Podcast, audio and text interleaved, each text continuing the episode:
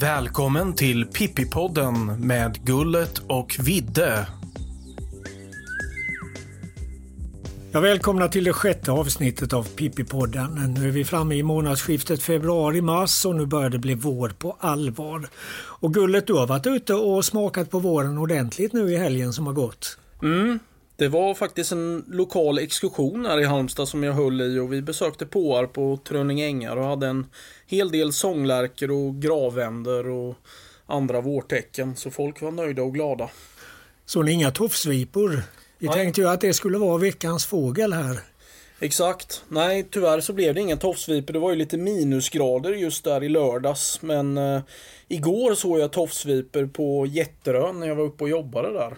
Så mm. de har kommit med, med besked nu. Och du fick rejäla vårkänslor då tänker jag? Ja, alltså tofsvipan är ju en fågel som man alltid väntar på att se. Det är väl den och sädesärlan och första sånglärkan och sjungande koltrasten och allt det där. Nu är ju tofsvipan fredad så du kunde ju inte ha ihjäl någon tofsvipa för jag tänker att det finns ju ett gammalt talesätt, jag tror det är från Sörmland, om att man ska ha ett tofsvipehjärta någonstans så får man tur i spel. Hur var det med det? Ja, i Sörmland är det ju så att om man förvarar ett viphjärta i vänstra skon då man spelar om pengar vinner man alltid. Det finns ju den här boken Fåglar i folktron av Tillhagen. Där det står en hel del om tofsvipan. Om man smörjer ögonen med innehållet i det första vipägg man finner på våren ska man ha tur att finna ägg under hela sommaren, säger man på Jylland i Danmark. Och kan man i ett vipbo finna en sten med många färger blir man osynlig om man bär denna sten på sig, säger man i Sörmland. Det är mycket där i Sörmland med viporna. Ja men vipan är ju en av de här riktigt folkkära fåglarna som har betytt mycket för folk i och med att den talade om att nu var våren på gång. Det fanns ju liksom inga väderprognoser att sätta sin tillit till för hundra år sedan. Men vipan är ju också som vårtecken eh, ganska osäker. Man kan inte riktigt lita på vipan och jag har själv erfarenhet från det. Och det är när jag var bara en ung spoling. Så eh, våren 1966 då hade det varit vårväder i en hel månad och precis efter påsk, någonstans runt 10 april, så smällde det till och blev rejält kallt. Och den här kylan bestod i en vecka. Och det var säg 10 minusgrader nästan varje dag och kanske 10-15 cm snö på marken. Och Tofsviporna hade redan lagt sina fyra ägg och låg ruvade när den här snön kom och kylan kom. Och de allra flesta tofsviporna ute på Trönninge ängar och i Påarpsområdet de frös helt enkelt ihjäl på boet. Och jag har ett sånt starkt minne av när jag och några kompisar gick där på de här strandängarna så hittade vi i snön ett litet hål där tofsvipans tofs hade virvlat runt i vinden och skapat liksom en liten tratt ner och så fick man gräva sig ner där och så låg det då en ihjälfrusen tofsvipa på sitt bo. Det där var ju ganska, ganska jobbigt att se för en ung fågelintresserad spoling. Det kan man ju säga, sannoliken en makaber syn. Ja. Hur gick det egentligen för alla vipor det året? Fanns jo. det några som klarade det? Ja, jo då, det var ju en del vipor som överlevde men det tog ganska många år. Jag vill minnas att det tog säkert tio år innan beståndet hade återhämtat sig något sånär. Ja. Sen kan vi ju avsluta med att om en havande kvinna äter vipägg får hennes barn fräknar, säger en allmän folktro i både Sverige och Danmark. Fräknarna försvinner däremot om man krossar det första vipägg man finner om våren och smörjer ansiktet med det. Danny!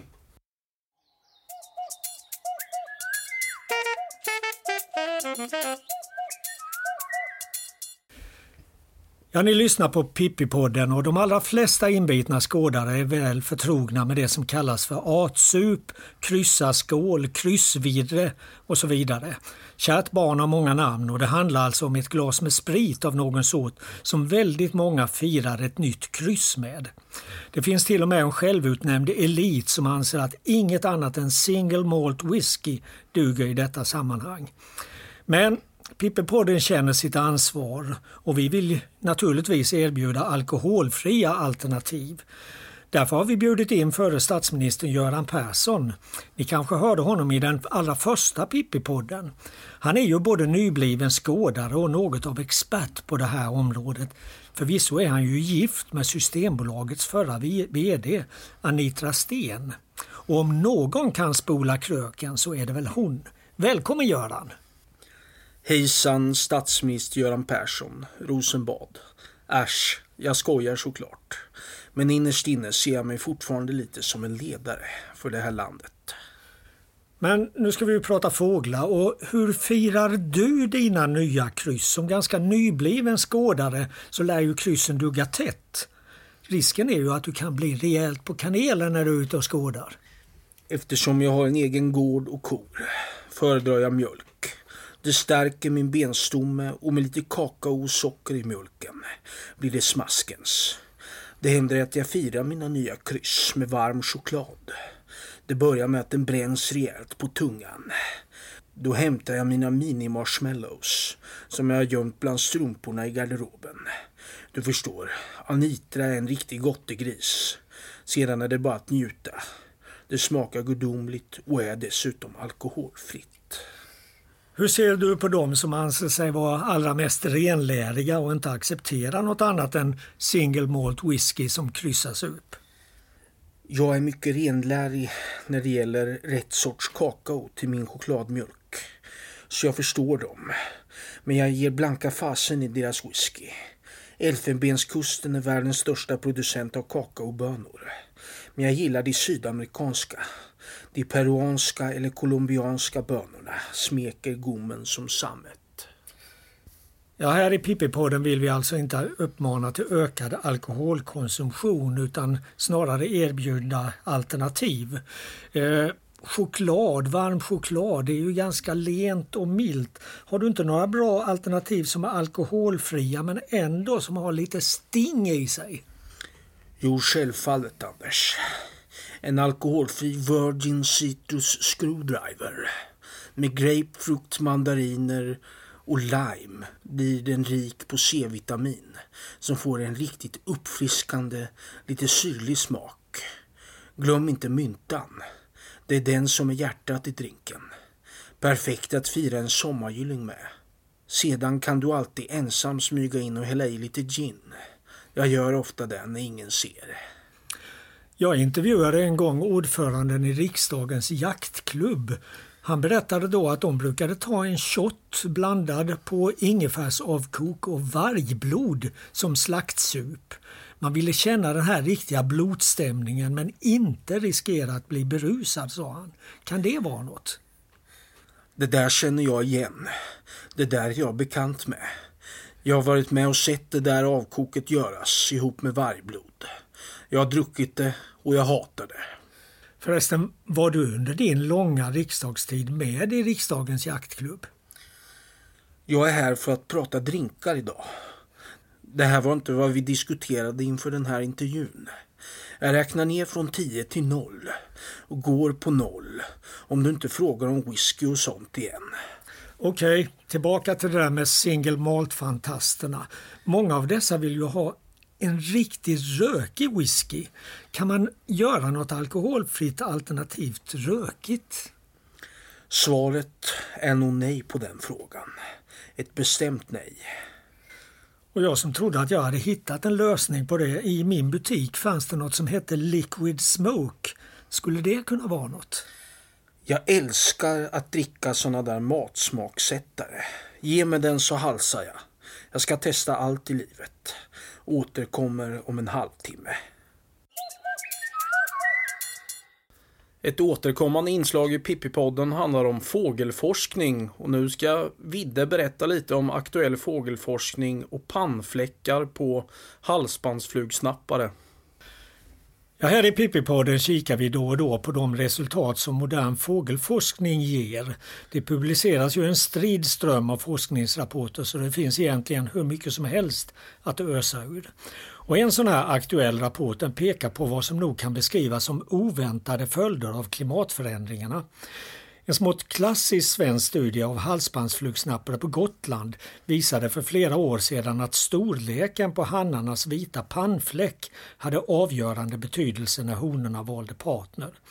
Pannfläcken var ett så kallat ornament. Ju större pannfläck desto högre i rang stod dess bärare.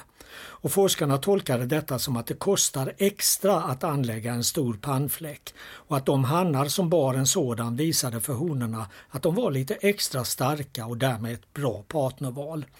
Studierna visade också att hannarna med stora pannfläckar blev fäder till betydligt fler ungar än de som hade små fläckar. Det är en forskare i Uppsala, Lars Gustafsson, som tillsammans med sina studenter har genomfört de här studierna och som naturligtvis även har tittat på andra delar av halsbandsflugsnapparnas liv. Man har hållit på i 34 år och nu ser vi än en gång värdet av riktigt, riktigt långa serier. Det visar sig nämligen att det som gällde under studiens första 10 20 år, det gäller inte längre idag. Tillsammans med en annan forskare som heter Simon Evans publicerade Lars Gustafsson en artikel i tidskriften Nature, Ecology and Evolution i slutet av januari i år.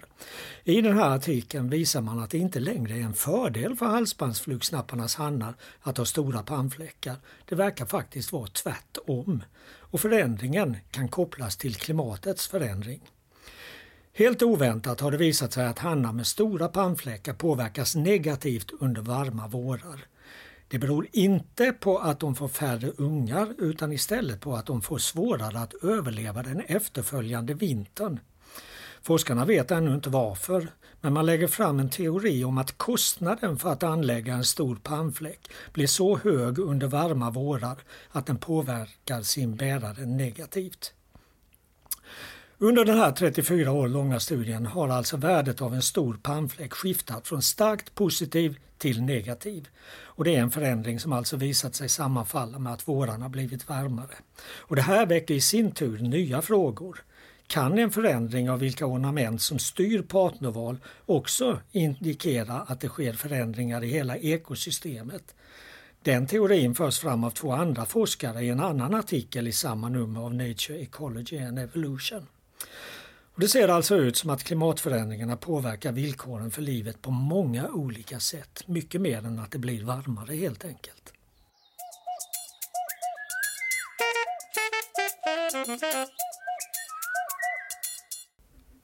Ett av de populäraste inslagen i vår Pippi-podd är när du Gullet berättar om någon fågelupplevelse och tänker till lite extra kring den där. Det kan ju bli riktigt lyriskt ibland. Hur man tämjer en rottweiler och hittar en nunnestenskvätta. Dagen började lugnt med lätt kyla och klar frisk luft. Mattias och jag hade bestämt oss för att vi skulle ut och slita i fält eftersom varken han eller jag orkade med att ringmärka under morgonen. Vi hade gått nog bland nätgatorna. Nu skulle det slitas på gammalt hedligt vis. Mattias hämtade mig och skådandet började vid Trönninge ängar. Där låg mycket änder, men inget anmärkningsvärt bland dem. Vi tyckte dock att det var roligt att det var en diger skara simänder på platsen. Turen bar vidare till Fyllåns mynning. Denna härliga dunge som givit oss observationer av såväl kungsfågelsångare, taigasångare som brandkronad kungsfågel genom åren. Det var inte mycket småfågel i dungen Kanske hade de flesta sträckt vidare under den klara natt som föregick morgonen. Väl inne vid Trönningebäckens utlopp hördes ett bekant ljust lockläte. Vi vände oss om och vips kom en grönblå figur och svirrade förbi. En kungsfiskare. Den landade en stund men flög sedan vidare in mot Trönninge. Den lille blågröne är alltid kul att skåda. Det händer nästan alltid när man skådar i dungen vid Fylleåns mynning. En del tycker att det är obehagligt, andra bryr sig inte. En rottweiler håller till vid det bebodda huset där. Den skäller och skäller och ställer sig i stridsposition. Den tittar argt på en då man skådar sig fram genom dungen. Idag bestämde vi oss för att bara ställa oss helt stilla och titta vänligt mot den. Den skällde och skällde, men till slut, efter en lång stund, var det som om energin tog slut. Vi mötte dess blick på tio meters håll. Det verkade som om den till slut tröttnade. Ungefär som att den var klar med sin utskällning. Som en förälder som inte orkar skälla på sina barn och blir likgiltig istället. Det var nog så den kände sig. Rottweilen började vifta på svansen och nosa runt. Mattias och jag bara stod där och vi började prata med den.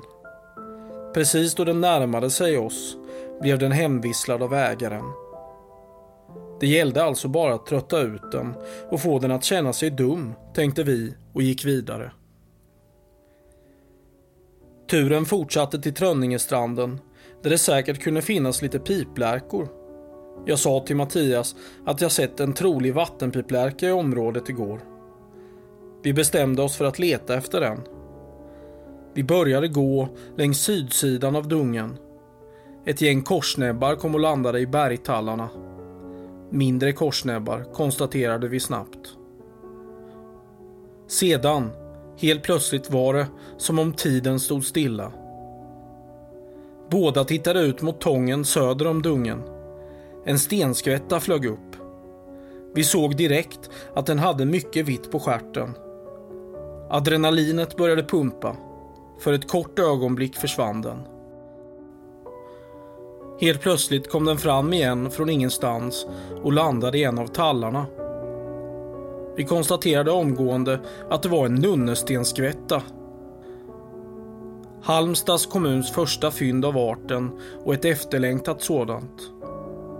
Vi två hamnade i ett sällan skådat kramkalas mellan män. Larmen gick. Fågeln letades upp igen efter att ha försvunnit ett tag.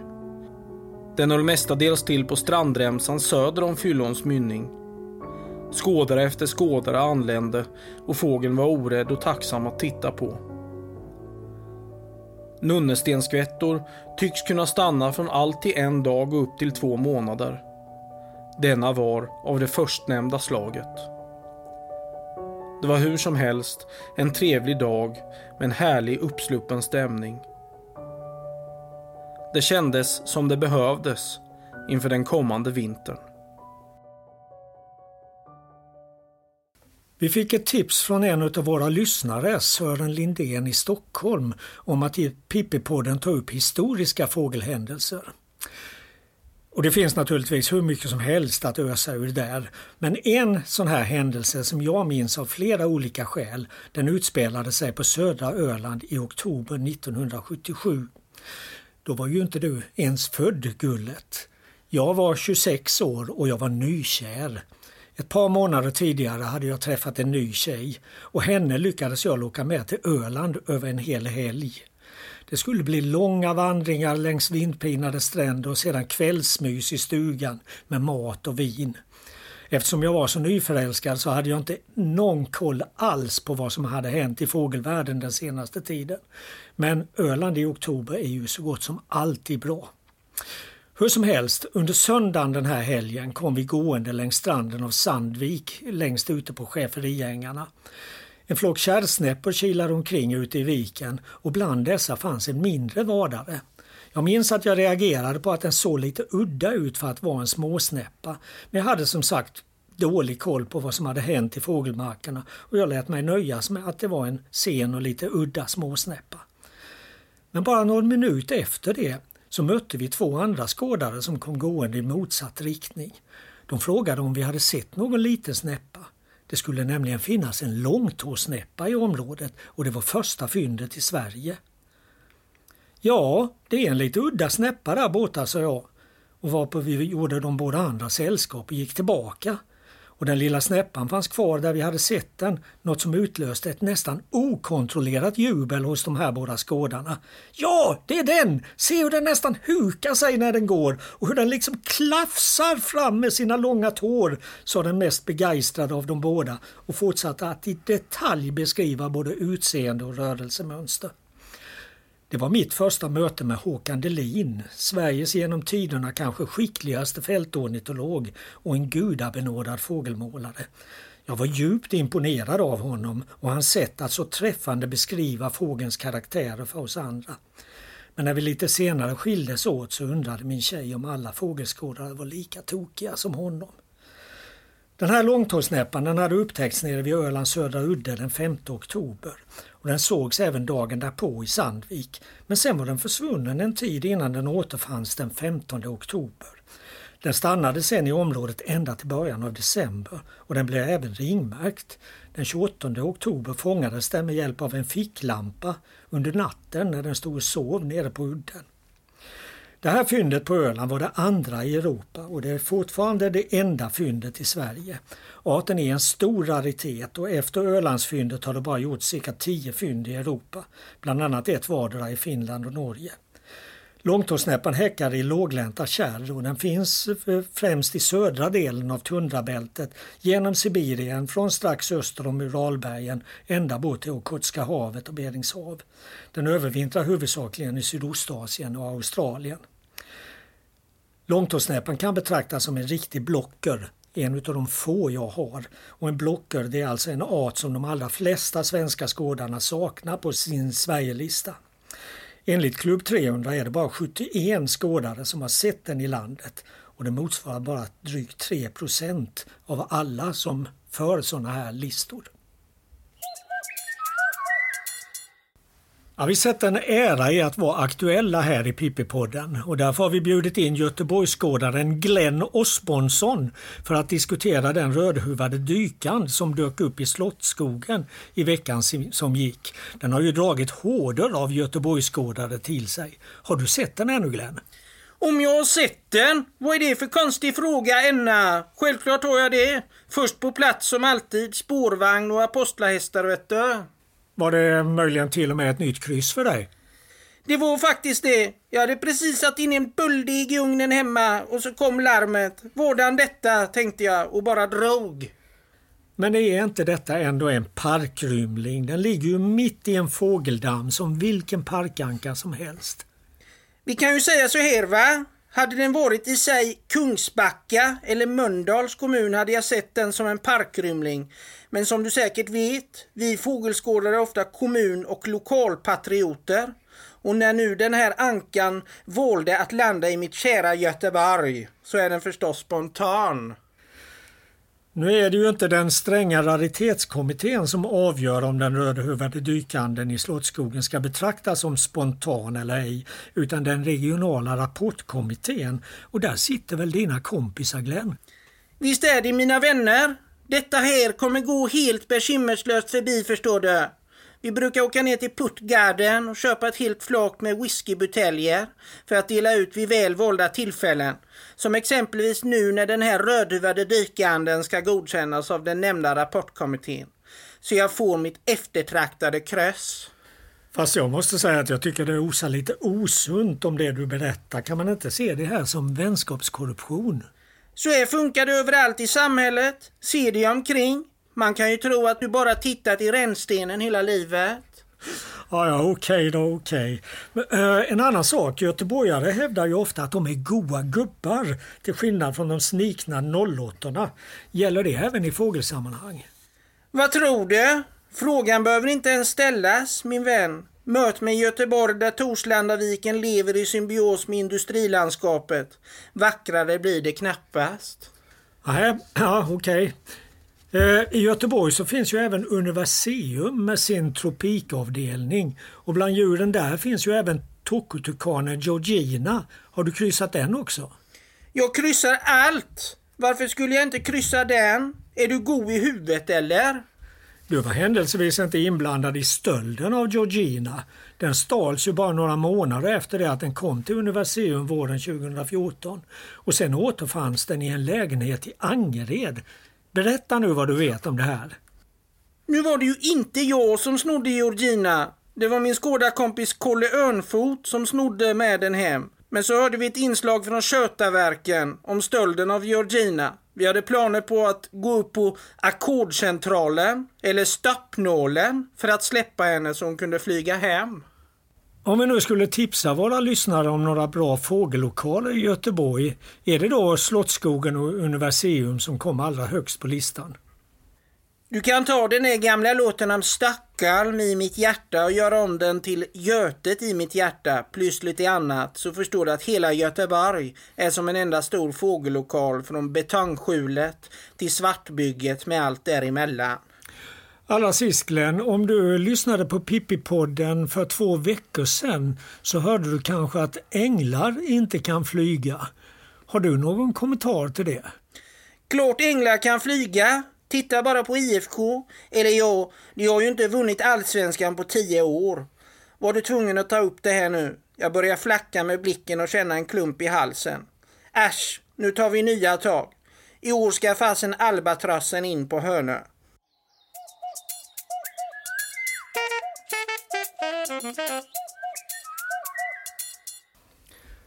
Ja, allt här i Pippi-podden är inte kuriöst och trams utan ibland försöker vi faktiskt vara lite seriösa. Och nu ska det handla om jakt.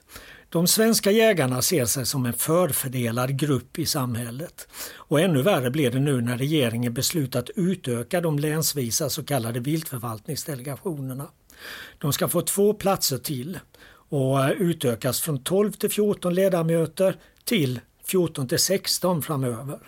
De två nya platserna de ska besättas av representanter för naturvård och naturturism. Det är snudd på provokation av regeringen. Och naturvården får nu dubbelt så stor makt som jägarna. Det är bara två av många riktigt sura kommentarer i jaktpressen. De här viltförvaltningsdelegationerna de infördes av alliansregeringen 2009 för att flytta beslut om jakt närmare de som berörs. Det finns alltså en delegation i varje län och denna består av fem regionala politiker som ska representera allmänheten samt företrädare för mellan sex och åtta olika näringar eller intressen. Och dessutom har polisen en plats. Det här med sex till åtta det beror på att yrkesfisket är representerat där det finns yrkesfiskare, rennäringen också där det finns rennäring. Jag har suttit med som representant för den ideella naturvården i Hallands län ända sedan starten. Och jag har även haft ansvaret för de här frågorna inom BirdLife Sverige, det vill säga inom landets ornitologiska förening. Det är ornitologerna som i samarbete med Naturskyddsföreningen och Rovdjursföreningen utser naturvårdens representant i delegationerna. Och det var också dessa tre organisationer som för mer än två år sedan skrev ett gemensamt brev till regeringen och begärde att en sedan länge utlovad utredning av hur delegationerna fungerar skulle genomföras. Den forskning som bedrivits, inte minst genom statsvetaren Simon Matti vid Luleå tekniska universitet, hade nämligen visat att de flesta viltförvaltningsdelegationerna i landet hade en mycket stark övervikt för jaktintresset. Omröstningar om rovdjur i dessa län har ofta slutat med 13-1 för jägarna. Naturvårdaren har stått helt ensam. Varför har det då blivit så här? Ja, den främsta förklaringen är att effektiv lobbying från jägarnas sida fått både politiska partier och olika näringar att utse jägare som sina representanter i delegationen. Detta är särskilt tydligt i mellersta och norra Sverige, men inte lika uttalat i söder.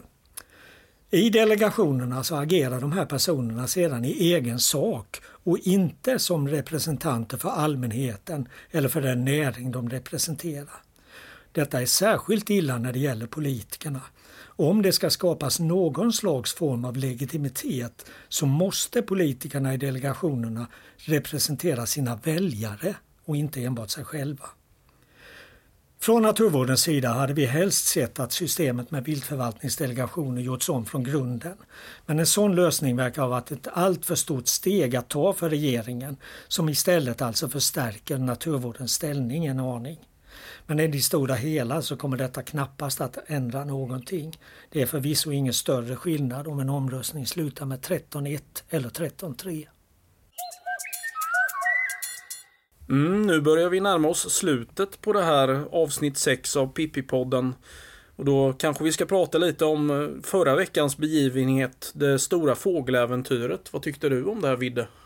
Jo, jag tycker nog att det var ett eh, riktigt trevligt och roligt program och att eh, man hade lyckats träffa ganska rätt för att göra en sådan, ja ändå udda sak som fågelskådning till eh, folkunderhållning.